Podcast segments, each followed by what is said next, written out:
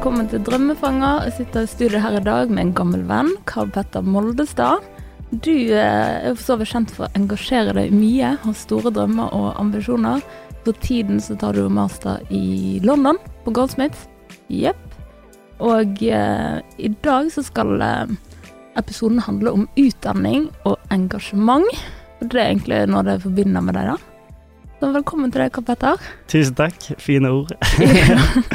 ja, så liten så var du eh, ganske aktiv og sosial, syns jeg jeg husker. Jeg husker Mhm. det faktisk fra du var liten. Du spilte fotball og tennis. Da Mhm. lurer jeg på hva drømte du om allerede da? Det var å bli fotballspiller eller tennisspiller. Det var eh, Helt ærlig så var det å bli fotballspiller, sånn jeg var veldig, veldig liten. Og så ville jeg bli um, Hva var det min mor sa? Jeg ville bli gentleman. Gentleman, ja. Så veldig sånn uh, kjønnsstereotypiske drømmer, egentlig. Hva legger du i det? Nei, jeg la vel i det liksom bare å ta ut stolen sånn for uh, damene når de skulle sette seg. Nå Ja. var jeg seks år når denne drømmen kom til eh, uttrykk, men uh, Ja. ja. Det har du oppnådd, da. Men uh, var det noe du hadde sett eh, hjemme, liksom? Eller på film? Eller? Nei, jeg vet ikke helt. Som, eh, som seksåring og sånn, så var det vel kanskje det å eh, bare være observant på det å være høflig, og så kanskje hadde jeg ikke en sånn veldig sånn superliberal og alternativ oppvekst, så eh, min liksom konseptualisering av det å være høflig, var det å være gentleman. Ja. Sier du. Mm. Så, ja, så gikk jo tiden, da, og så begynte vi på videregående. Du gikk jo trinnet under meg. Men Mhm. så, um, så stakk du av til Wales Mm. For, for å gå på IB. Og det Ja. var litt sånn der, da gikk jo alle andre på eh, ja, videregående, tok kanskje ikke skolen så seriøst, i første rekke i hvert fall. Det var liksom mye sosialt som, Mhm. som um, ja, ble prioritert over skolen da, for mange. Men så, ja, så du var en av de sosiale da. Men så tok du det valget likevel, så jeg lurer på hvordan du kom fram til at du skulle satse på skole, og Ja. i, i et annet land òg. Vel, det ja, akkurat som alle andre bør gjøre på eh, videregående, så tok jeg også sosialt i første rekke. Det kom egentlig ganske naturlig. Og så, eh, etter første år, så stilte jeg kanskje litt spørsmål med hvordan jeg kanskje hadde mulighet til å integrere det sosiale og det skolehakket mer, ikke bare liksom behandle de som separate entities. Så da eh, hadde jeg et møte med en som var intern uh, hos min mor sitt selskap her i Bergen, og han hadde gått på Harvard, så det var jo veldig stort. Og selvfølgelig har foreldre drømmer for barna sine på et eller annet tidspunkt, og um, hun ville sikkert at jeg skulle begynne på en sånn stor, fin skole i utlandet. Mm. Og da tenkte hun at jeg skulle snakke med han og høre litt hvordan han hadde kommet seg dit. Og da sa han at han hadde gått på en skole som heter UWC. Han Mhm. hadde gått på en skole um, i Fjaler. Ja, det- verdens navle. In the middle of nowhere. Um, men det er som regel det de skole Det er der de skole befinner seg. Så min var eh, på kysten i Wales. Mm. Um, Atlantic College. 50 minutter med tog fra Cardiff. Um, ganske sånn separat fra Veldig Mm. Ja, veldig mye Veldig mye natur var det.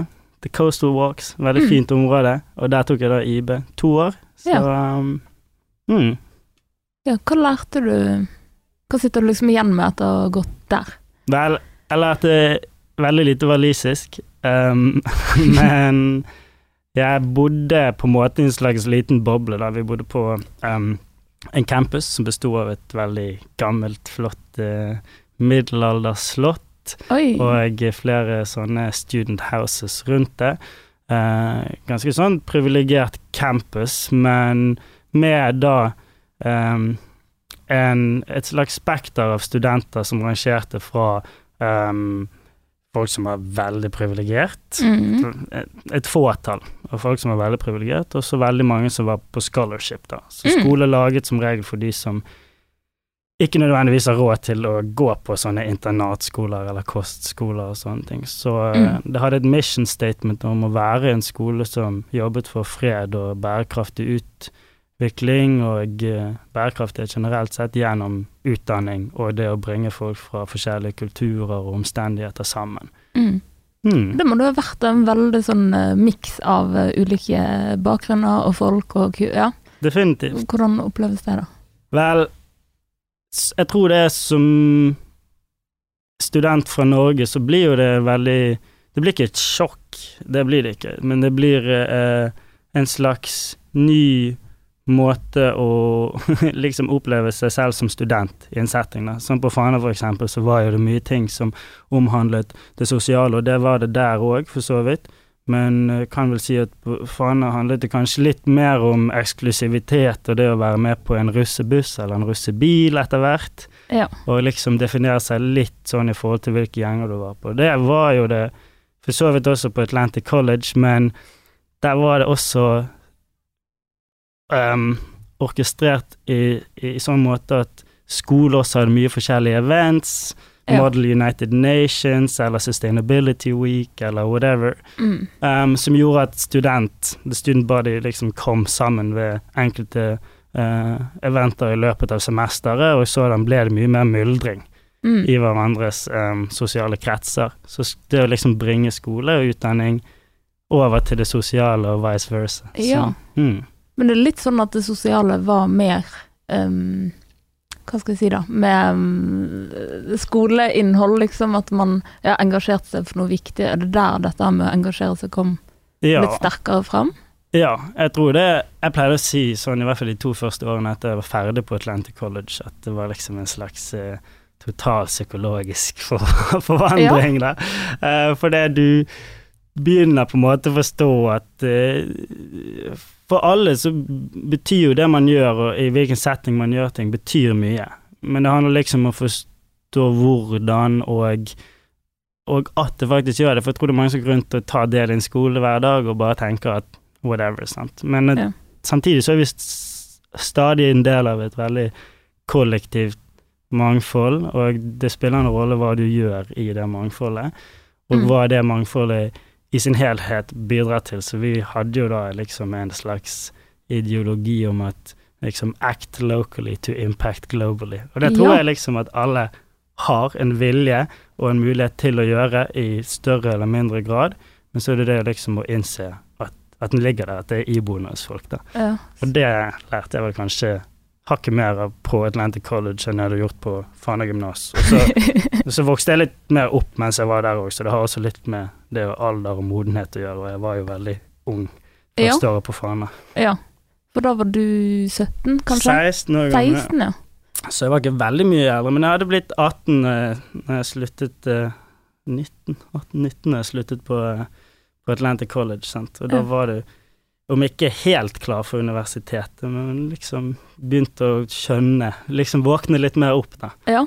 Ja. Men uh, var det liksom din uh, hva skal vi si, første erfaring med å måtte ta vare på seg sjøl, liksom? At uh, sengen ikke er redd av noen og alt det der? Jeg Man må ta veldig ansvar, liksom? Nei, jeg, vet du hva, jeg tenker mye på akkurat det der med ikke være redd og sånn. Jeg kan fortsatt ikke sove i det rommet som er helt lengst borte fra foreldrene mine i huset mitt pga. jeg hadde så mye mareritt da jeg var yngre, så jeg Uff. ligger inne på et annet rom når jeg er hjemme og besøker. Nei.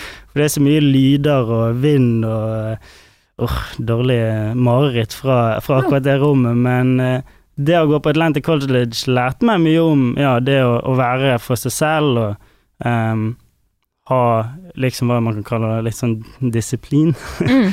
Ehm, så det er mange som sier at når de begynner på, i militæret f.eks. etter videregående, så er jo det litt for det å være Lære seg å være selvstendig, lære seg å være dis dis disiplinert, og, og det tror jeg det ligger noe i, og så er det forskjellige måter å oppnå det på, da. Mm. Ikke nødvendigvis bare gjennom f.eks. militæret. Så for min del var jo det liksom det å ja, flytte ut som 16-17-åring og ta fatt på det å være og bo for seg selv, men samtidig sammen med mange andre nye folk. Ja. Mm. Har du fortsatt kontakten med de du møtte der? Ja, for altså, det er noe det jeg pryder meg selv med. Ja, for det at jeg er kanskje litt for mye kontakt. Jeg tror det er mange som er flinke til å ha en veldig god tid der de gikk på videregående, og så sakte, men sikkert liksom velge ut eh, hvem som er sine nærmeste venner, og ikke bruke tid på absolutt alt og alle hele tiden. Men jeg har litt sånn vanskelig for å gi slipp på vennskap og sånne ting. Jeg vil ikke helt at vennskap skal vanne ut så fort. Nei. Så jeg prøver i beste ja, til min beste evne å, å liksom forbli nær de Ja. jeg kjente både på Fana og de jeg kjente på Atlantic College. Så um, det, det har vært noe jeg har vært faktisk særdeles opptatt av, så derfor lo jeg litt av at jeg faktisk bryr meg veldig, veldig mye om å forbli nære venner med dem. Ja, og du Mm. reiser jo verden rundt og besøker disse folkene òg. Du er jo veldig globetrotter, vil jeg si. Ja. Ja. Ja, for oss som følger med da, og på en måte kjenner Mm. det, så ser vi at eh, du er rundt om Det snakket faktisk med en venninne om det her for litt siden, og da sa vi at um, denne seksstegsteorien, ikke en teori om at i seks ledd så kjenner man liksom ja, presidenten i USA, du, Mm. sant, og liksom hvis det er én vi kjenner som kan nå hvem som helst liksom på seks ledd rundt om i verden, så må det være du fordi at du kjenner folk rundt om i hele verden. Mm. Det må være en utrolig deilig følelse at du er påvirket av så mange ulike folk, da. Mm. Ja, en seksleddsteori, det høres jo veldig gøy ut. Ja, hvis ja. man kan Hvis man faktisk kunne realisert og funnet ut om det er sant. Men jo, jeg har fått møtt mye folk. Heldigvis har jeg ikke møtt eh, presidenten i USA. Gjett. um, men ja, jeg har fått reist mye rundt. Det har vært en liksom, mulighet som har kommet med akkurat det å, for det første, um, kommet seg inn på steder gjennom f.eks. det å ha visse kvaliteter, men også gjennom det å komme fra en gitt bakgrunn. Se på min Mm. egen bakgrunn som veldig privilegert, og det tror jeg er veldig viktig å erkjenne, at man har fått mye muligheter gjennom det. Mm. Um, jeg tror hver eneste skole jeg har vært på, så har jeg liksom fått fullt stipend nesten av staten. Det er jo veldig viktig òg. Så sånn sett er jo det å komme fra der jeg kommer fra, vært det som i hovedsak har gitt meg de mulighetene til å treffe forskjellige folk. Og så har jeg i større eller mindre grad interesse for å treffe de folkene man treffer, og eh, noen ganger søker man det litt, mm. andre ganger skjer det by chance. Så um, Ja. ja, globetrotter, ja. ja. Jeg har alltid sørget for at jeg har reist der hvor jeg har. Nei, det kommer jeg ikke unna. Jeg prøvde kanskje å liksom ro meg jeg litt vekk Ro din båt. Men um, nei, jeg har prøvd å dra til steder hvor jeg vet at jeg kan bo hos en venn, Mm. og um, holder meg der under oppholdet mitt og får liksom opplevd ting og sett ting litt gjennom lokale folk sine øyne. Mm. Det kan være at det begynner å bli en litt sånn klisjé etter hvert, men det har i hvert fall vært viktig for meg for å liksom forstå litt bedre de stedene jeg har vært Ja. i på. Ja. Og det henger jo kanskje det sammen med studiet ditt, for etter eh, etter den IB Ja, så tok du fri, og du var på Cuba. ja Kjente du noen der, da? Jeg kjente ingen på Cuba, så det var første gang um, jeg bestemte meg for å um, dra et sted som var for det første veldig langt vekke, og Ja. for meg selv, og med liksom en videre intensjon om å studere litt der. Så begynte jeg på. Universitetet i Havanna tok et semester på en bachelor i spanske og latinamerikanske studier. Ja, Um, bare sånn. ja. For det, jeg visste at jeg skulle ta et friår til å få jobbet litt og tjent litt penger um, eh, første halvåret, og eh, så skulle jeg egentlig bruke det neste halvåret på å komme meg litt inn igjen i skoletiden igjen mens jeg søkte og bestemte meg for hvor jeg skulle gå på skole um, under bacheloren min. Mm. Så da var Cuba på en måte noe jeg hadde interesse for, for jeg hadde aldri, uh, aldri helt brukt spanskkunnskaper som jeg hadde, om det var noen i det hele tatt, til liksom en praktisk sammenheng. Så det å begynne på universitetet i Havana var jo sånn sett interessant fordi at det er et litt annet politisk system enn vi har i Norge. Ja. Det er um, en litt annen væremåte enn det jeg hadde opplevd på Atlantic College. Det å trakke utenfor en boble og heller ta del i en by. Ja. og ja, så det var en ganske gøy erfaring, opplevelse, egentlig. ja. Føler du at du kom inn i lokalsamfunnet i på Havanna, liksom? Um, jeg har jo jeg har jo sagt det til andre, da, så jeg vet Mhm. ikke det ville vært å lyve om jeg ikke sa det her òg. ja, det gjorde jeg. Jeg fikk noen gode venner gjennom universitetet der. Um, jeg ble veldig god venn med en nordmann òg, som jeg brukte veldig mye tid med, som heter Brage. Mm. Eh, så meg og han var alltid litt sammen, så det var alltid en sånn The Norwegian connection. Mm. Um, og han var veldig flink i spansk òg, så han kunne lære meg en god del ting mens jeg var der. Men så ble jeg en veldig god venn med en del folk innenfor hva vil jeg si det, the creative Ja. miljø i, i Havanna, og nå var jeg tilbake for to år siden, da var med um, noen venner der som stelte i stand Havana World Music Festival, så Ja. det var veldig gøy. Der møtte jeg faktisk super random uh, meg og Floor, en venninne av meg som jeg var der med uh, når vi besøkte for to år siden, hadde gått Mhm. tom for penger, og kortene våre var forsvunnet, og Ja. vi hadde liksom ikke tilgang på noe som helst, så sa jeg la, la oss stikke på Hilton, um, gamle Hilton Havanna, um, og se om det er noen turister der som kanskje kan låne oss, og så kan vi overføre de gjennom wifi videre. Første personen vi så der, var Josef fra Madcon. Ja, ok. Josef med Bentley. ja, så jeg bare ropte ut Oh my god. Ja, der er Og han så opp, han bare 'Jeg kjenner ikke deg i det hele tatt'. Og jeg bare 'Jeg vet, men, jeg kjenner deg'. Og jeg, vet du hva, jeg var så rask på bare 'Du elsker musikken din', bla, bla, bla, sa var favorittverset mitt i Påfuglvare og whatever. Ja, og så var det bagen. Og så var jeg begge Jeg bare 'Vi trenger penger'. og han bare dro opp 250 liksom kubanske dollar. Han bare Vips det. Jeg fikk min søster til å vippse han. Vi Ja. fikk låne pengene, og han inviterte oss backstage på Vanna World Music Festival. Dette er så typisk Kabetta-liv. Akkurat Du der og kommer da. alltid liksom med Det var, det var veldig spesielt. Så Floor, som ikke kjente han i det hele tatt, Ja. sto ved siden av bare Ok, hva er det som skjer her nå? Hvem var han, da? Um, og så reddet han resten av oppholdet vårt der med Fantastisk. ja. Ja, ting har jo en tendens til å bare ordne seg, egentlig. ja, så det er jo akkurat det der med muligheter, de oppstår på veldig sånn Ja. forskjellige tidspunkt. Men da var du åpen og litt aktiv sjøl òg, da. Ja, Sant? ja. Så det har jeg alltid vært opptatt av. At det skjønner jeg ikke helt hvorfor man skal holde seg litt tilbake. Det kommer jo litt an på hvordan man er som person, om man er utadvendt eller innadvendt, og det er veldig gode sider ved begge deler. Og jeg Mm. tror vel en av de gode sidene ved min utadvendthet er at jeg ikke er så veldig redd for å skrike 'Jeg kjenner deg'! Uff, ja. Shit. Nei, så da hadde, du, da hadde du en fin tid på Cuba, men så uh, skulle du videre på bachelor. Mm. Og da landet du på at du ville studere i Amsterdam, filosofi, nå må jeg lese her, økonomi og politikk. yes. Ja, så lurer på hvordan fant du ut at det var det du ville gå for? Det hadde egentlig en sånn tanke om siden Wales, at jeg hadde i hvert fall lyst til å integrere filosofi med eh, en eller to andre disipliner, og filosofi, politikk og økonomi. Linjen var noe som var veldig kjent i Storbritannia, i og med at jeg hadde brukt mye tid der, så eh, vurderte jeg det som en veldig god mulighet. Men så hadde de nettopp startet en i Amsterdam, Mm. og alternativet mitt var å begynne i Exeter, som er en veldig britisk Ja. sånn by. Jeg var besøkte det sammen med en kompis av meg.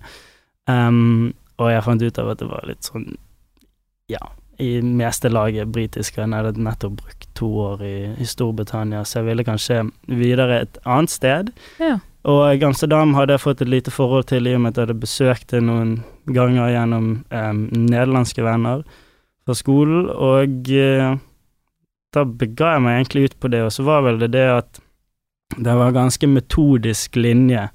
Det Mm. vil si at det var mye em, økonometri, statistikk, em, Ja. mye matematikk rett og slett involvert i det. Ja. Mm. Så jeg var jo ikke sånn Jeg vet ikke hvorfor det eh, dro og halte i meg, men det var i hvert fall kanskje det å liksom veie opp for at jeg var også veldig særdeles filosofisk interessert, så ville jeg også veie opp for det med å være involvert i videre sånn analyse og litt mer hardcore metode. Ja. Um, men da endte jeg opp med da å ha spesifikt fokus på filosofi og økonomi. Så Mm. ja, mye politisk filosofi, mye atferdsøkonomi, som var det som utgjorde store deler av studiet mitt. Mm. Um, ja. Det var, jeg merket at det var forskjell da på det jeg hadde blitt fortalt om PPI i Storbritannia, for det var en bachelor of arts, og Mhm. den som var i Nederland, var en bachelor of science, og det var Ja. veldig forskjellig ut ifra hvor mye metode du måtte gjøre. Nå sier jeg metode om og om igjen, men det er serr veldig vanskelig. Ja. um, så på et tidspunkt så var jeg sånn Helsike, var dette feil valg? Men så var det såpass interessant med i hvert fall integreringen av etikk eh, i atferdsøkonomi at jeg liksom Mm. ble med hele veien ut og virkelig nøt siste året mitt i Amsterdam. Både Ja. gjennom skole og sosialt. Så bra. Det høres ut som en sånn utdanning for verdensledere, nesten. Du har liksom alle de der tre Ja, uff. eh, store stolpene, da. Men eh, ja, jeg lurer liksom Ja, det, det, det høres veldig heavy ut. Ja, det var, det var jo litt heavy, men altså det programmet jeg gikk på, det for eksempel var et sånt program som sånn For å drive med litt sånn humble bragging, men det var eh, et sånn excellence program, og de hadde jo da, som sikkert veldig mange andre skoler før seg, og samtidig som seg, det med å utdanne tomorrow's leaders, Ja. leaders of tomorrow. Ja, så var tomorrow. inne på noe der. Du var veldig inne på noe der. Jeg husker jeg hørte det første gang, så fnøs jeg litt av det, for det blir litt sånn øh, Jeg orker ikke å liksom operere under en sånn slogan som det der. Og det orker jeg fortsatt ikke, men du lærte deg liksom å leve med det og heller gjøre litt narr av det. Ja. Um, for det var så mange som tok det veldig seriøst. Ja, at de skulle være ja. the leaders of tomorrow. Så så jeg rundt meg og så det er utrolig mange tyskere og nederlendere. Skal alle være morgendagens ledere? Det um, Men ja, du Men sjansen for at du kjenner en av de, er jo ganske stor, da. En av de som kommer til å bli det, Ja, kanskje. Ja, kanskje. med tanke på alle skolene du har vært på. Ja. Men hva er en typisk jobb sånn sett bort ifra typ president og statsleder og sånn, som du kan få med en sånn utdanning? Bort ifra de? Nei, Ja. det er jo ikke så mye. Så jeg tror de satser veldig høyt i som Ja, det er det, det, er det man går for, egentlig. Nei, um, jeg tror uh, konsulentskap innenfor politikk, så tenketanker um, er en greie. Diplomati, Mm. så Jeg vet i hvert fall at noen av medlevene mine der nå eh, Noen har fått seg jobb innenfor ambassader i første omgang, eller internships, og eh, en del som har eh, kommet seg inn på ja, sånne konsulentbyråer og Ja. så videre. Jeg tror det er noe mange gjør sånn i første omgang. Um, så for min del har jo jeg også vært sånn siden jeg begynte på PPI, og jeg vært Eller PPI, da. Filosofi, politikk og økonomi. Mm. Um, siden jeg begynte der, så har jeg vært interessert i muligheten om å f.eks. ta del i politisk konsulentskap Ja. på et eller annet vis. Um, for det virker som en interessant måte å liksom ta i bruk de tingene man lærte, for det Det syns jeg er veldig viktig med å ta utdanning. At det er jo selvfølgelig en idé om at du skal uh, gå gradene og, og komme til den ultimate muligheten til, til det ultimate som du har lyst til å jobbe med til slutt. Mm. Men jeg tror Jeg vet ikke helt Det er selvfølgelig en veldig viktig um, del av det å få seg jobb, mm. men jeg tror det fører til at veldig mange går ut av studiet sitt Jeg vet ikke, jeg kan ikke snakke for nordmenn, men min opplevelse i utlandet er at mange tar jobber ikke innenfor det de har studert, fordi Ja. at de må selvfølgelig tjene penger, men også for liksom å få seg erfaring med et eller annet yrke. Og noen ganger tenker jeg at det yrket de tar på seg, er veldig distansert fra akkurat det de studerte og hadde en eller annen brennende passion for. Mm. Og der er jo pengeinsentivet blir så at etter hvert så skjønner du at du tjener mye penger i den jobben du er i, og så videre, og det er jo ikke så veldig gale, og du får liksom et disentiv fra å følge videre på akkurat den brennende passion du har på. Det tror jeg er en sånn gjengående historie hos mange. Men Mm. nå i større grad enn en før tror jeg det at det er veldig vanskelig for folk å få seg veldig godt betalte jobber innenfor, la oss si, min kjæreste er, er arkiv er, og informasjonsstudentutdannet med en master i det, Mm. Men hun søker da jobber som eh, dokumentasjonsansvarlig videre, jobber på biblioteker, på arkivsentraler eh, etc. Mm. Og det er nødvendigvis ikke institusjoner som har så altfor mye penger. Nei. Så da blir jo alternativet, hvis du ikke får de få jobbene som utleveres der, å begynne på konsulentbyråer som Mm. sitter på pengene. Ja. Og det har jeg merket i, i London nå, at det er veldig mange venner som jobber for ett spesifikt selskap, men med vidt forskjellige utdannelse. Ja. Så det å liksom hale og dra i studenter og ta mye smarte folk til å gjøre ja, konsulentskap innenfor jeg vet ikke, finanser, whatever, selv om de ikke helt nødvendigvis var utdannet til det, eller var det de ville holde på med. Ja. Men rett og slett insentivet med det å tjene penger blir så stort, Mm. og det har jeg merket på um, studenter, i, spesielt nå i London mens jeg har vært der siste året. At man tar liksom til takke med de jobbene man får til slutt, og ofte er det hos litt større selskaper som faktisk har pengene å gi til så og så mange. Ja, for tenk sånn i Norge så har du skjønt det sånn for eksempel sånn ja, konsulentselskaper som PwC da og sånne ting, at man bruker det som et springbrett, at liksom Mm. det bare om å gjøre å vært innom der, og kanskje jobbet for lite, men så har du det på CV-en, og så får du Mm. kanskje drømmejobben etterpå. Nei, nemlig. Ja. Og i London så er det vel litt sånn at eh, ja, du må på en måte bevise det og jobbe deg opp, og det var kanskje to år der du virkelig sliter og jobber for veldig lite i forhold til hvor mye timer som legges ned der i forhold til her i Norge. Mm. Men så kommer du vel kanskje i en posisjon der du kan forhandle lønn og Mm. sånne ting. Men det er vel det å holde ut Ja. den tiden. Jeg hadde en venninne som var i Hun var vel i Ernst Young i London Mm. og måtte jobbe beinhardt Ja. for ekstremt lite, og liksom for å klare å betale leien og sånn, men så Mm. Kommer du til den knekken der du liksom skal være med videre, eller skal bare stikke hjem til Norge. Ja, Liksom. ja. Jeg har den. Det virker kompetitivt i London. Det gjør det. Mm. Um, ja, du har sånn, sånn som PwC eller Alpha Sites eller Deloitte eller whatever, liksom. Det er sånne ja, nøkkelord da man hører i konversasjoner på fester eller whatever, liksom. For Ja. det blir viktig eh, hos folk å, å komme seg og få det der springbrettet, men så til slutt så begynner man å spørre seg selv om hvorvidt det faktisk er et springbrett, eller om det rett og slett bare er en jobb folk satser på å bli værende i, eller på grunn Ja. pengeinsentivet, eller for de som syns at herregud, dette er så knekk at jeg har lyst til å se etter andre muligheter, og den skjønner jeg godt, at jeg ser ikke for meg å begynne i eh, et, et, ja, en arbeidshverdag hvor jeg jobber overtid hver dag, hver dag i uken. Nei. Um, men kanskje jeg må det. Men det er i hvert fall det Mm. jeg tenker da når vi snakker om drømmer og muligheter. Så håper jeg liksom at man kan bruke utdannelsen til å kanskje få et springbrett som er litt mer relevant og litt mer sånn passion inspiring enn Mm. bare det å være et springbrett. Ja. Hvis du skjønner hva jeg mener. Ja, jeg skjønner hva du mener. Så um, Men så er jo det der med å, å begynne i arbeidslivet, det blir veldig sånn fryktinngytende hvis for det første hadde vært vanskelig å få den første jobben, og så likte du ikke den første jobben, og hva blir neste steg? Det blir jo at helsike, skal jeg ut i dette her igjen òg? Ja.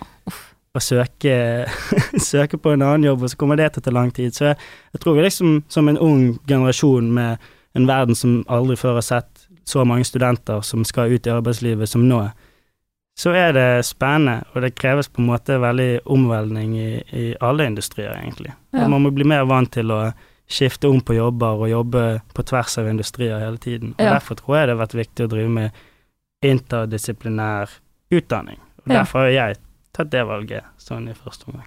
Smart. Men det er litt sånn catch eh, 22, egentlig, for man må jo, noen må gi den første sjansen, ellers har du ingenting på CV-en som er relevant, da. Mm. Du må jo starte et sted. Du må starte et sted, og da tror jeg det å gå etter passion sin og vite hvor du har nok passion til å kanskje jobbe frivillig Mm. i første omgang. Ja. Man skal ikke jobbe frivillig for, for lenge eller ubetalt for lenge av det. Det er ikke rett, men sånn i første omgang, hvis det handler om CV-bygging eller liksom, så gjør det i hvert fall i form av noe du genuint bryr deg om. Ja. Tar det liksom to fluer i en smekk. Og da gjør man det ofte bedre hvis du har en genuin interesse òg. Nemlig. Men jeg tenker på disse studievennene sant, som man får, men man er på samme studie og kjemper kanskje om de samme jobbene. Altså hvordan blir det at man liksom er kanskje nære venner, men òg konkurrenter, da?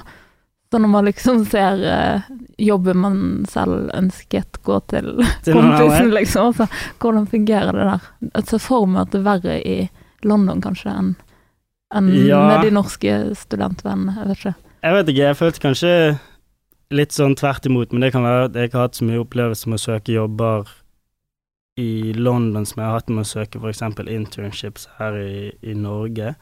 Mm. Um, for det første, personlig mener jeg egentlig at hvis, hvis dere er nære venner, genuine venner, så bygger man hverandre oppover og støtter de mulighetene den andre får. Mm. Um, og det er liksom ord jeg lever etter, og håper alle andre blant mine venner lever etter. Mm. Um, men for eksempel så hadde jo jeg en sånn opplevelse med det å ikke få internships på ambassader i Norge i fjor, for eksempel. Um, det er mye um, sånne forutsetninger som skal fylles Mm. for å få disse internshipsene, og så er det utrolig mange som søker. Og um, der så var jo det selvfølgelig sånn at man føler litt på den konkurransen. Jeg fikk et par meldinger her og der hvor folk som spurte om de, de kunne se søknaden Ja. min, eller Ja. få lov til Og jeg deler selvfølgelig ut søknaden min på grunn Ja, av Jeg syns det var kjempebra at eh, folk har lyst til å se på, og der var det sånn tre-fire stykk som jeg snakket med kontinuerlig, og da merker du liksom at folk er eh, blir jo stresset i sånne sammenhenger, på grunn av Naturligvis har man lyst til å få dem, men jeg merket aldri noe sånn at jeg var sånn Æh, faen, jeg håper ikke den personen Får. det istedenfor meg. Ja. Men uh, du merker at du føler med en gang at konkurransen kommer nærmere deg selv. Mm. Uh, at eh, å ja, ok, du skal søke ja, ok. så blir det viktigste der, tror jeg, ikke la seg påvirke av at andre skal søke og liksom prøve å gjøre seg mer eksepsjonell eller mer uh, liksom deretter, for det skal jo komme i første omgang uansett, liksom, Ja. Å gjøre rede for hvorfor man selv har gode kvaliteter i forhold til jobbutlysninger og så videre. Mm. I London nå så tror jeg begynner å helle litt mer mot at jeg har lyst til å prøve å se hva det er muligheter jeg har gjennom mitt nettverk, for det mitt nettverk består av folk som bryr seg mye om det samme som meg, og som Mm. har opplevelser av meg og hvordan jeg kan bidra i enkelte situasjoner, og min historie innenfor ditt eller datt. Ja. Um, så eh, ikke så veldig stort fokus på konkurranse, på grunn av konkurranse er det allerede. Det er jo mer Ja. det å Jeg vil jo gjerne være en del av et nettverk i fremtiden som jobber for noe godt sammen. ja. Og det, det mm, det har, det har du på en måte begynt på. Altså, vi, vi to jobbet jo sammen i Rafto på et prosjekt. Stemmer, ja. Og det, jeg var jo med takket være deg, da. Så hvordan liksom det, det er jo ganske lenge siden òg. Så liksom, når begynte dette engasjementet? Da var det vel mer dette med menneskerettigheter og på en måte ja, likhet og Mm. Så hvor kommer det fra? Ja, det er der allerede um, fra når jeg er på Fana, tror Ja. jeg. Og så Mm. handler det liksom om å sette det til livet, vekke det, og praktisere det litt. Eh, Mm. Liksom preach and practice. Så det kom vel egentlig fra å møte folk gjennom familie som holdt på med Rafto-stiftelsen, og skjønte selv at jeg hadde lyst til å kanskje bygge en bro med de mens jeg var i Wales, og det gjorde jeg. Startet Rafto Charter Mm. uh, i Wales, hvor jeg inviterte Frank Mugisha, som er leder for Sexual Minorities Uganda, sammen med uh, Solveig og Kristine, um, som er representanter for uh, Rafto-stiftelsen. Og sammen så uh, stelte vi i stand til et foredrag for elever ved skolen min om hvordan det var å være homofil eller ikke-heteroseksuell i um, Uganda. Og det gikk veldig, veldig bra Ja. og det var stor interesse. Um, etter det så holdt vi i gang med Frank, og vi snakket om denne Tackle Homophobia-kampanjen som Mm. vi to jobber sammen på, Mm. sammen med de andre lagkameratene våre. Ja. Shout-out. ja. um, og, og var med på Bergens største pride-marsj hittil, sant. Så Gud, det var jo. Og det er jo de tingene det her høres jo også veldig klisjé ut, men det er jo faktisk akkurat de tingene man jobber for å kunne være med på og se gjennom at det faktisk utarter seg i form av noe spesifikt og konkret. Og det startet jo også debatter i etterkant og i forkant i aviser og så videre. Priser. Nemlig, og pris var liksom Viktig. Ja, det var jo det, sant. Um, og jeg engasjerer idretten. Idretten er viktig i, i Bergen, så det Ja. liksom å være med og delta lokalt er essensielt, fordi Ja. at det får uh, you know, det får sjokkbølger gjennom landet vårt, og forhåpentligvis utad òg. Ja. Så det fortsetter jeg videre med etter uh, vi hadde jobbet, ikke nødvendigvis gjennom Tackle Homophobia-kampanjen, men jeg var nede og besøkte Frank og Sexual Minorities Uganda um, i Kampala i, for et år siden, og Mm. jobbet der litt, um, bare for å drive litt research og være med og se på hva de holder på med, eh, hva man kan kalle underground work um, der. Så det var veldig inspirerende. Fan. Det er jo de mest engasjerte, dyktige menneskene Ja. jeg har. det, det, du bare drar, du, liksom. Ja. Det er det som er så gøy. Ja, så, så lenge du har liksom en invitasjon, så, eh, Ja, så, Litt avhengig av det. ja, så, så har jo man veldig lyst til å svare ja, og så prøve å bidra med det man kan. Mm. Eh, men i den i det liksom, tilfellet der, så var det vel minst like mye for at jeg skulle lære eh, Ja. av de som driver med menneskerettighetsarbeid i Uganda. Mm. Og det var helt utrolig fascinerende, på grunn av at du lærer også mye om forholdet disse organisasjonene har til ambassader osv., og, så videre, og hvor dyktige Mm. ambassader er til å følge opp, og hvor mye politikk spiller inn i hvordan deres forhold utarter seg, og hvor mye ambassader er villige til å bidra, rett og slett, til Ja. enkelte kjernesaker. Um, og hvor mye som kanskje står i veien for at de kan bidra til kjernesaker. Så vi Ja. var både på den amerikanske ambassaden, den norske ambassaden og nederlandske, og det er vidt forskjellige forhold til akkurat sånne menneskerettighetsorganisasjoner som Sexual Minorities Uganda. Men det som gjør at de overlever, er jo folkene som jobber innad i eh, organisasjonen. Da at de overlever som et initiativ. Og så er det viktig at disse organisasjonene, også de som viser det positive arbeidet som skjer rundt menneskerettigheter, Mm. istedenfor at media bare legger frem en eller annen dyster, ikke helt reell realitet. Ja. Sant? Vi har visse ja, intuisjoner om at det er veldig, veldig forferdelig å bo enkelte steder med en gitt identitet, og til en viss ekstent så er jo det rett, Mm. men det er også veldig mye positivt ved Ja. å være en minoritetsgruppe Ja. som kjemper for noe, og har en kjernesak, og som faktisk gir positiv eh, utvikling og påvirkning i landene ved siden av seg, eller i andre Mm. eh, retninger. Så um, det tror jeg det jeg har lært mest av gjennom å jobbe med Raftostiftelsen, at det er så mye engasjement i menneskerettighetsarbeid og aktivitet som da er det alternativet til denne dystre Mm. fremstillingen man får av og til av folk som blir undertrykt. For det, det er Det skjer, men på grunn av at det skjer, så skjer det veldig mye positivt som en motkraft til det. Ja, og det, det handler jo ofte om å snakke med de det gjelder, da. Det er jo ikke alltid at det skjer. Ja, ståstedskunnskap er veldig viktig. Ja. liksom respektere det at det er enkelte folk som er bedre til å snakke for seg selv Ja, og sine opplevelser enn det man fremlegger som en med ikke det samme Mm. Ståstedet. Men det, det merker man liksom når man eh, holdt på å si ute i feltet, at hvis du ja, kommer til et land, eller liksom, det peker så ofte ut folk som viser at de er villige til å snakke, og som har en historie de vil dele. Da. Mm. Men um, ja, jeg merket jo veldig godt når vi holdt på med dette prosjektet, at du liksom kom Da kom jo du på en måte hjem fra Amsterdam for å være med Mm. litt, og så dro du tilbake, men at du liksom hele tiden kom med ny kunnskap og kompetanse til gruppen, da. Mhm. Og det er jo ting du sikkert har opplevd og lært mens du har vært der. Og så for mm. hver gang så merket vi liksom ja. Og det er jo litt gøy.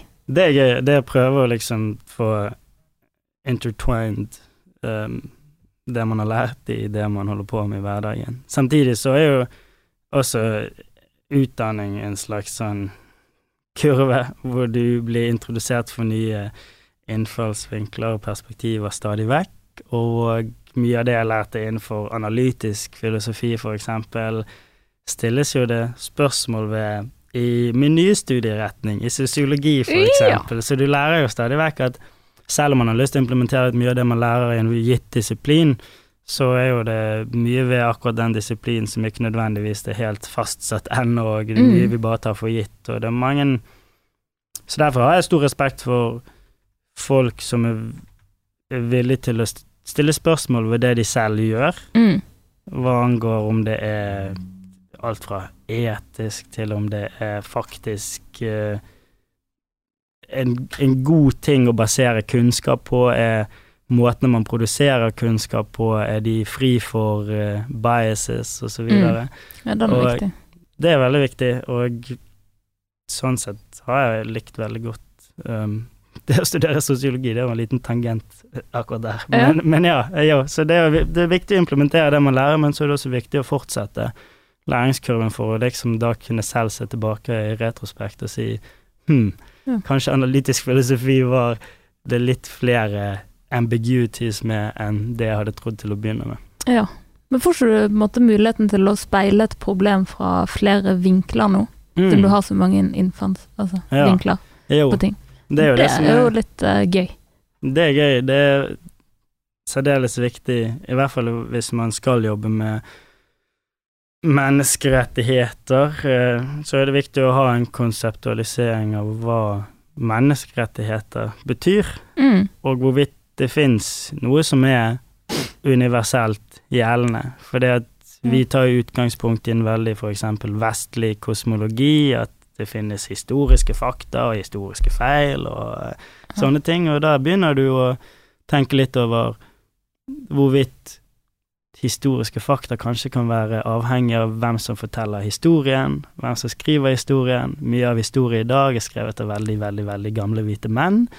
Um, så sånn sett er det viktig å ha disse innfallsvinklene av at det ikke er alle som kan kjenne seg igjen i f.eks. menneskerettighetserklæringen, selv om de trenger det som blir lagt ut der Mm. så vil jo de kanskje stille spørsmål ved hvorvidt dette faktisk er noe som er universelt gjeldende, og hvorvidt dette er noe noen i det hele tatt kan implementere, og hvis det er nei til begge svar, hvorfor har man da laget en sånn traktat? Selv om det kommer fra noe godt og iboende en vilje til å gjøre og utgjøre noe godt, så Mm. tar jo det for gitt at alle vi tror på en, en, en universell gjeldende teori om hvordan verden fungerer, og sånn er det jo ikke. Nei. Men med det, altså, sånn som det verdensbildet du har i dag, da. Mm. Hvis du kunne endret noe med verden sånn som den er i dag, hva Mm. ville det vært?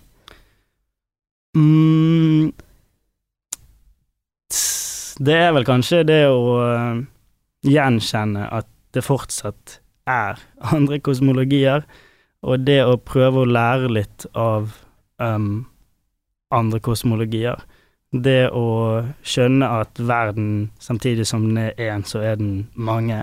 Mm. Og det å ikke ta for gitt at alle har samme produksjon av kunnskap som f.eks. vestlige universiteter driver med. Um, og det er f.eks. å skjønne at minoritetsgrupper, f.eks. å si i Norge, vårt eh, det samiske folket i Norge, f.eks., er jo noen mm. som har opplevd hvordan Norge faktisk fungerer basert på denne her universelle eh, teorien om likhet videre. Men de har jo opplevd det fra en litt sånn ekstremt dårlig Mm. eh, eh, innfallsvinkel i den forstand at liksom fornorskningen var noe som ble gjort for å påføre likhet. Ja. Selv om dette var et folk som ikke ville ha den likheten Norge var ute etter. Så akkurat det spørsmålet med likhet og, Mm. og sånne ting tror jeg kanskje er viktig, men veldig, veldig misforstått. Mm. Og eh, akkurat nå, om dagene så eller de siste årene, har det vært mye spørsmål rundt eksempel reindrift, Mm. og eh, hvem som skal ha en say i det i det hele tatt. Ja. og så den har jo for meg blitt veldig interessert nå i det å, å lese om og vite mer om samisk kunst, og, og samisk kunst sin rolle i, i dette hele, for jeg syns det er så utrolig mange flinke artister der. Mm. Um, og flinke, flinke kunstnere og viktige stemmer til å akkurat formidle at i Norge òg har vi et urfolk som har en vidt forskjellig kosmologi iboende i seg Ja. enn det vi tar for gitt som er var en europeisk eller sentralvestlig liksom ideologi om naturlige fakta, historiske fakta osv. Så, videre. Mm. så det ville jeg kanskje begynt med, det å respektere og anerkjenne tilstedeværelsen fortsatt av kosmologier som har vært på jorden og vært i Norge lenge før Ja. denne vestlige bestanden var ja. Er det en interesse som har kommet med studiet, dette her for samefolket? Og... Definitivt. Mm. Sosiologi innebærer jo mye det å liksom være kritisk til antropologi og hvordan man studerer andre, og Mm. dette konseptet med å gjøre andre til nettopp andre. Um, og um, så tenkte jeg kanskje at jeg hadde litt et, et lite grunnlag for å skape en spesifikk interesse for, for det å, å, å følge opp med det av education som kom til Når det kommer til det å være urfolk og det å drive forskjellige og beskytte forskjellige kosmologier Min det, oldefar var jo selv med på fornorskningsprosessen, Ja. sant, um, um, og var en preacher, eller en av de som var med og uh, hjalp å bygge disse her internatskolene som samer skulle gå på, og sådan. Føler du på en måte Hvis du har noe som helst form for liksom familiar responsibility når det kommer til din egen historie, Mm. så er det liksom å anerkjenne de feilene som er blitt gjort, Ja. og det å kanskje i sin egen lille På sin egen lille måte ta del i reparasjon. ja. Og det å Interessant. Og ja. Så eh, det har jo også gitt litt av grunnlaget for min spesifikke interesse der. Sant? Det å Spennende. Jeg skal sjekke ut det samiske kunstnere med meg. Ja, bra. Vi skal inn i en spalte. En dag livet til, heter den. Og da skal vi se hva, hva Petter gjør til dagen. Mhm. Så vi begynner med når står du opp om morgenen? Klokken ni. Ja. Jeg er student fortsatt, så eh, klokken ni er ganske sånn on, ja, on the dot. Ja. Hva sier du til deg sjøl i speilet om morgenen? Uh, så sier jeg uh, This shit again? Gjør du det? Nei. Jeg, eh, jeg vet ikke, jeg lager mye lyder, liksom. Jeg er veldig redd for liksom, at første samtale i løpet av dagen skal starte med et sånn hark eller et host, så jeg sier Ja. Jeg, jeg klargjør stemmen til å faktisk snakke med folk. Ja, Jeg sier vel ikke så mye, det er mer sånn guttural sounds. ja. Du faktisk eh, ly lydkommuniserer. Ok. Nynner, kanskje øver litt på å bli bedre til å synge. Jeg har alltid lyst til å um, bli bedre til å synge. Jeg har ikke en sånn Ja. særlig fin sangstemme. Jeg har liksom blitt fortalt at den kan bli bedre, så uh, Mm. jeg synger gjerne litt. Ikke feil å starte dagen sånn. Eh, Hvem er den første du ringer til? Hmm. Um, jeg ringer egentlig ikke så veldig mye. Nei. Um, Du blir ringt. Jeg blir ringt. Ja. Nei, uh, det hørtes så sykt corny ut. Um, nei, jeg Det er i hvert fall én person jeg ringer hver dag, og det er min kjæreste Camilla. Ja, shout-out til hun. Mm. Uh, hvilket ord bruker du mest i løpet av dagen? Like. Like? Like, literally. Literally. Nei, nå leste jeg nettopp en good quote forleden, og det var liksom Sverg på at du heller dør enn at du bruker 'literally' for å understreke noe. Mm. Så jeg liksom prøver å ta meg selv i å ikke bruke enkeltord for mye. Ja. Um, det kommer helt an på hva jeg studerer ja. for tiden, for jeg møter mye med supervisor og medstudenter, så hvis det eksempel går i Foucault, Ja, så sier jeg navnet hans mye. ja, ok. Mm. Jeg hadde glemt å spørre Det kan ta etterpå. Ok, Hva lager du til middag? Hvor er det når du spiser den, og hvem spiser du den med? Jeg bor sammen med en kompis som heter Odin, som jeg ble kjent med på Atlantic College. Mhm. um, vi hadde liksom lovet hverandre at vi skulle bo sammen på et eller annet tidspunkt. Ja. Um, han skaffet seg en leilighet i Hackney, og så ga han meg leie der. Ja. Og da lager jeg som regel mat med han. Mhm.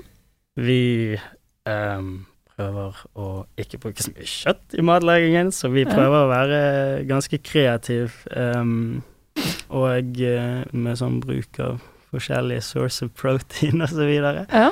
Um, så det går mye i um, ja, vegetarmat. Jeg kan si vi lager mye lasagne, vi lager Ja. mye chili, vi lager mye um, dal, og prøver liksom å Det er få jo hva sa du? Dal? Dal, ja. Altså det- dal som i dukke, eller? Nei, det, det Hvordan skrives det? Jeg har ikke Ikke putt meg i en situasjon hvor jeg må stave det. Nei. um, nei, det er en slags um, rett som blir brukt sammen med couscous eller ris, eh, en slags uh, curry, men okay. ikke helt der. Ja. Så vi lager mye forskjellig, og så spiser vi sammen, ofte med Odin sin kjæreste òg, så vi prøver liksom å ha litt sånn social dinners. Ja, Ja. koselig. Hva gjør du på en fridag? Um, jeg er veldig opptatt av å bli ferdig med skole i løpet av uken, Mm? slik at fredag ettermiddag um, og lørdag og søndag faktisk føles som fridager. Um, fredag går jeg ut. Ja. Drikker øl. Meg. Er mye med venner. Um, man vil egentlig aldri at kveld skal stoppe helt. Um, Mm. Og lørdag pleier å se fotball. Jeg er jo fortsatt veldig fotballfanatisk, så uh, lørdag Ja. er fotball. Går gjerne ut igjen på lørdag òg. Ja. Og så bruker jeg søndagen til å slappe av eller gå på Broadway Market, um, ja. som er rett borti veien fra der jeg bor. Der er det mye sånn matstasjoner osv. og så og så pleier vi å prøve å komme oss på et museum en gang iblant. Vi har sånn museumskort. ja. Det er koselig om søndagene. Ja, ja. Altså hvis du har Vi har gratis tilgang, så vi, meg og Odin har begge skapt, uh, skaffet oss et sånn Eller kanskje han ikke har det. Jeg har i hvert fall skaffet meg et sånn Art Fund-kort, hvor du Ja. får gratis tilgang. Det er sånn membership. Nemlig. Ja. Så um, ja, prøver egentlig liksom å bruke fridagene til å gå ut, være med venner og uh, dra på liksom det som er interessante exhibitions, og samtidig få sett Manchester United. ja, så litt fest, litt sport og litt kultur, da. Ja, bare at jeg ikke bedriver sporten. Nei, nei, du ser på. Da er du jo i Premier League-byen, vil jeg si. Ja, Sant? London, ja. Mm. Ja, Så går du på kamp og sånn av og til òg. Ja, jeg prøver Ja. å få dratt av og til. Man må jo være tidlig ute med å skaffe seg billetter. Det er veldig dyrt, faktisk. Det har de fått mye pryl for. Fordi Mm. de bare har gjort det veldig vanskelig for supportere å faktisk komme og følge med på favorittlaget sitt, på grunn av at det er så økonomisk betinget på hvorvidt man har Ja. muligheten eller ikke. Og det syns jeg er veldig kjipt. Og i tillegg så har Amazon kjøpt rettigheten til halve kampene som blir vist i helgene i England, så det er jo okay. å adde på liksom kjipheten rundt det, da. Hva vil det si, billettsalget eller Nei, streaming? Streaming. Oh, ja, Så du, du, som pub så må du nesten kjøpe sånn Amazon Prime membership. For, okay. eh, det er jo nesten en sånn her Black Mirror-episode, Mm. egentlig. At de bare begynner å ta over alt som er rettigheter Dette er skummelt. Skummel utvikling. Du, hvilken podkast hører du på? Vel, jeg har hørt litt på Drømmefanger. Woop, woop. Um, så hører jeg på den venninna av meg som uh, driver med podkast på campus, jo. der hvor jeg går på skolen nå. Mm -hmm. um, så hører jeg mye på lydbøker, egentlig. Ja. Um, Hva var det siste du hørte? av lydbøker. Mm. Uh, nå hører jeg på en som heter 'Talking to Strangers' Ja. av Malcolm Gladwell, som er en slags um, sosiolog, eh, psykologisk anlagt forfatter. Mm. Mm, veldig interessant. Men hva handler boken om? Den handler om hva vi trenger å vite når vi snakker med fremmede, og hvordan vi tar for gitt at andre ikke vet så veldig mye om oss, men at vi vet mye mer om andre. Ja. Og det er en veldig interessant måte å tenke på, Ja. møter på, og hvor sterke konsekvensrike utfall enkelte møter kan ha. Mm. Og han tar for seg en del situasjoner som jeg syns er utrolig fascinerende, og jeg forklarer mye av i, På en måte i enkle terms hvordan ting kan gå fryktelig feil når Mm. to mennesker møtes. Ja. Og jeg viser for eksempel til police brutality i USA, Ja. og eh, forholdet mellom svarte og hvite i USA, Mm. um, og eh, hvordan intelligence services i Cuba Ja. har infiltrert intelligence services i USA, og Ja. hvordan det er mulig. Og så går han jo også inn på akkurat det her med å ja, vite om folk har det bra eller ikke. Ja. Så det å erkjenne at mange sliter Mm. med forskjellige ting, Mm. og hvordan vi kan kjenne det igjen, Mm. men ikke prøve liksom å fiske etter det hele tiden, men rett og slett drive med åpne dialoger og det å Ja. um, kunne dele. Så det er en veldig interessant bok som er egentlig Høres veldig interessant ut. Ja, det er en veldig interessant. Det er det som er så spennende med mennesker når du møter altså, Hvis du tenker det første møtet, så an, man aner liksom ikke hva som ligger bak der. Da. Kanskje Nei. det liksom blir en av de mest eh, definerende personene i ditt liv.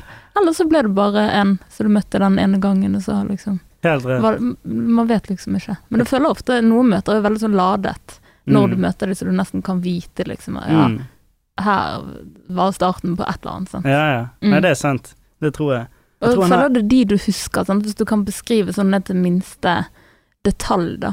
Hvordan du på en måte møtte eh, en person, så tror jeg det ofte Mm. tyder på at du liksom kommer til å estimerte mennesket videre. Ja, eller aldri. Eller, ja. Eller sånn aldri. aldri. Det- et, jeg syns det er en som er fantastisk fascinerende, da han snakker om når um, Cortés og europeerne første gang kom til Mexico. Ja. Uh, og møtet mellom Montezuma og Cortés, som ble jo veldig fatalt, og starten på en veldig forferdelig historie med kolonialisering. Um, og det var jo et møte om to mennesker som misforsto hverandre av det var forskjellige kulturer når det kom til det å snakke. Mm.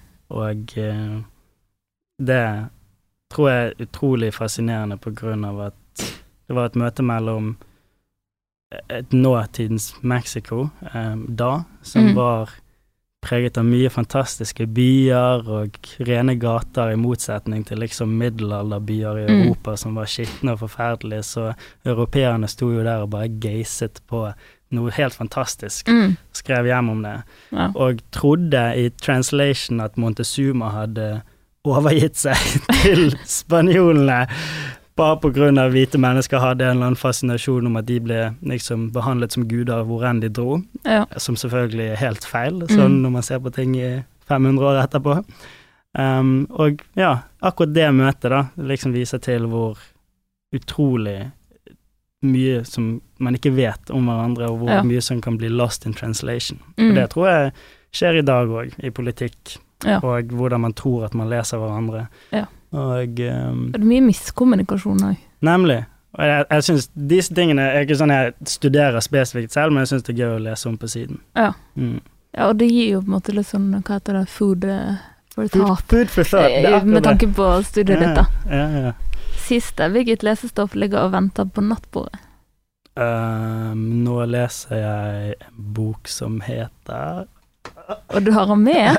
Nei, jeg satt og leste på den i sted. Altså, som regel så er bøkene liksom realitet til skolen. I hvert fall når man leser sosiologi, så får man lest mye. Den heter Mm. The Politics of Aesthetics. Ja, Så såpass, ja.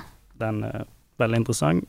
Så Ja. hvis jeg ikke hadde hatt lydbøker tilgjengelig, så hadde jeg kanskje lest Talking to Strangers og hatt den på nattbordet. Ja. Men i og med at jeg må lese så mye på skolen, sånn som alle andre studenter, så sørger jeg for at uh, det er i hvert fall noe jeg er interessert i, da. Mm. Det er ikke så mye fiction, men um, ja. Nå. Samme her, faktisk. Mm. Men eh, ja, nå innledet jo denne praten med å spørre liksom hva du drømte om som liten. Mhm. Men jeg lurer egentlig på hva drømmer du om nå, Nå, ja. med alt vi vet nå om deg? ja. um, vel, det er jo mye forskjellig. Det, det er å anerkjenne at man har veldig eh, liksom distingverte forskjellige deler i livet sitt hvor, innenfor hvilket man har drømmer. Så personlig så har jeg alltid drømt mye sånn det å faktisk sove og drømme. Ja. Jeg har hatt en livlig fantasi ofte. Um, jeg hadde mye feberfantasier da jeg var yngre, jeg liksom Ja. hallusinert Ja, mens øynene var åpne og gikk rundt i huset og så mye ting. Okay, ja. Um, som regel knyttet til mareritt, det er veldig skummelt Ja. sånn ja, det, det nevnte du.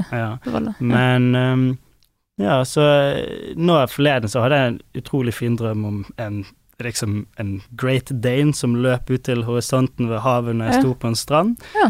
Og jeg hadde snakket med kjæresten min noen dager i forkant om at det kom et lite sånn grønt lys okay. helt på slutten når solen går ned, Ja. og hun mener det ikke kommer i det hele tatt. Ja. Så eh, kanskje det var noe jeg så for meg, men akkurat i den drømmen så kom det idet den Great Dane krysset solen. Og så kom den tilbake, og så ble den om til en spekkhogger, og okay. dykket ned i vannet, og jeg var så opptatt av å filme alt dette på telefonen min i drømmen, for jeg skulle sende det til henne. ja.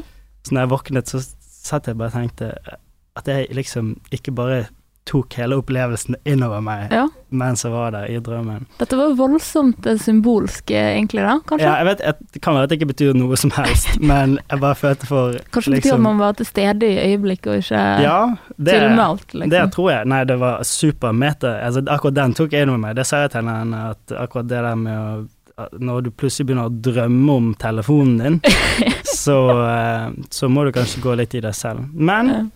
Telefonen min har jo liksom alltid vært en liksom viktig del av det jeg holder på med. Det Ja. å networket, og når du jobber mye med å få frem saker og ting og egne meninger, så poster du det på de plattformene du har. Mm. Um, Så uh, håpet vi gjennom det er nok alltid noe underliggende hos de som driver med det, om å faktisk komme seg til flere muligheter gjennom det. Mm. Og det linkes jo kanskje litt til min drøm om å liksom komme meg til muligheter gjennom å være veldig vokal om det jeg bryr meg om, da. Ja. Og uh, det har funket på sett og vis frem til nå. Jeg har fått mye muligheter til å jobbe med ting jeg bryr meg veldig om. Ja. Jobbe med mennesker som fascinerer meg, og som er flink til å være en god påvirkning på meg, forhåpentligvis jeg for dem. Ja. Um, så sånn sett tror jeg bare håper at det skal fortsette, at enkelte muligheter skal by seg, og at jeg er flink nok til å se dem for det de er, Mm. og kan se tilbake på det etterpå og si at dette var noe jeg var imponert over meg selv med å faktisk ta fatt i og bli med på, Ja. og sådan kunne lære av andre. Og jeg håper jo å kunne gjøre dette litt innenfor Veldig interessert i politikk, Mm. um, så det å på et eller annet tidspunkt bli involvert, um,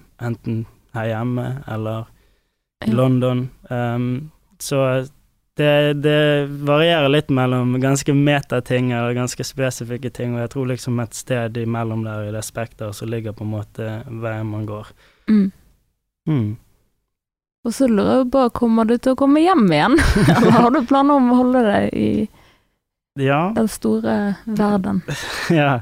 Um, jeg har alltid sagt det at det, det å komme fra Bergen, eh, snakke bergensk, Mm. eh, være bergensk, gir meg kanskje mer muligheter for å faktisk bruke evnene mine til å utrette mer her, på Mm. grunn av at mulighetene bare kanskje er flere her, eh, Mm. og det fins mange nok ting å hjelpe til med her hjemme òg. Um, og det har jeg alltid tenkt på, Mm. at jeg har tenkt å returnere hit. Men som sagt, jo mer du liksom utfolder deg på denne stien på vei mot det å liksom nå disse papirene, da, som Mm. ja, jeg kjenner at du faktisk har lært Chasing noe. papers. Chasing the papers. Um, så lærer du å kunne se tilbake på det og spørre deg selv om er det fortsatt en rett måte å tenke på hvordan jeg Mm. vil bidra i verden. Og jeg erkjenner jo fortsatt at det er mer jeg kan bidra med Mm. f.eks. i Bergen enn i Kampala. Mm. Det, jo, det handler jo om ståstedskunnskap. Ja. Det å ha erfaringer fra der du er, Mm. den du er, um, som kan være mer anvendelig enkelte steder enn andre. Og eh, så sånn sett har jeg tenkt at det å være i sin hjemby og hjelpe til der, Mm. men kanskje ikke eksklusivt, kanskje det å kunne være villig til å come to someone's calling og Ja, hjelpe kanskje du kan være en pendler, holdt jeg på å si. En pendler. Ja. Nei, jeg har lyst til å ha forankring et sted. Ja. Å være et sted og ha et sted man kaller hjem og sånn. Um, men så lenge du har folkene dine rundt deg, da, vennene dine, og det er jo derfor jeg kanskje er veldig interessert i å lage mye venner, og, og at de vennskapene vedvarer, er kanskje det at da har du på en måte flere steder du kaller hjem. ja, ja. Da er du hjemme hvor som helst, da, egentlig. Mm. Det var fine ord å avslutte med, for det, nå må vi avslutte. Men det var fantastisk å ha deg her. Tusen takk som kom. Og hvis du likte dette, så må du gjerne følge oss på Facebook eller gi en rating på iTunes. Da blir jeg så glad. Tudelu.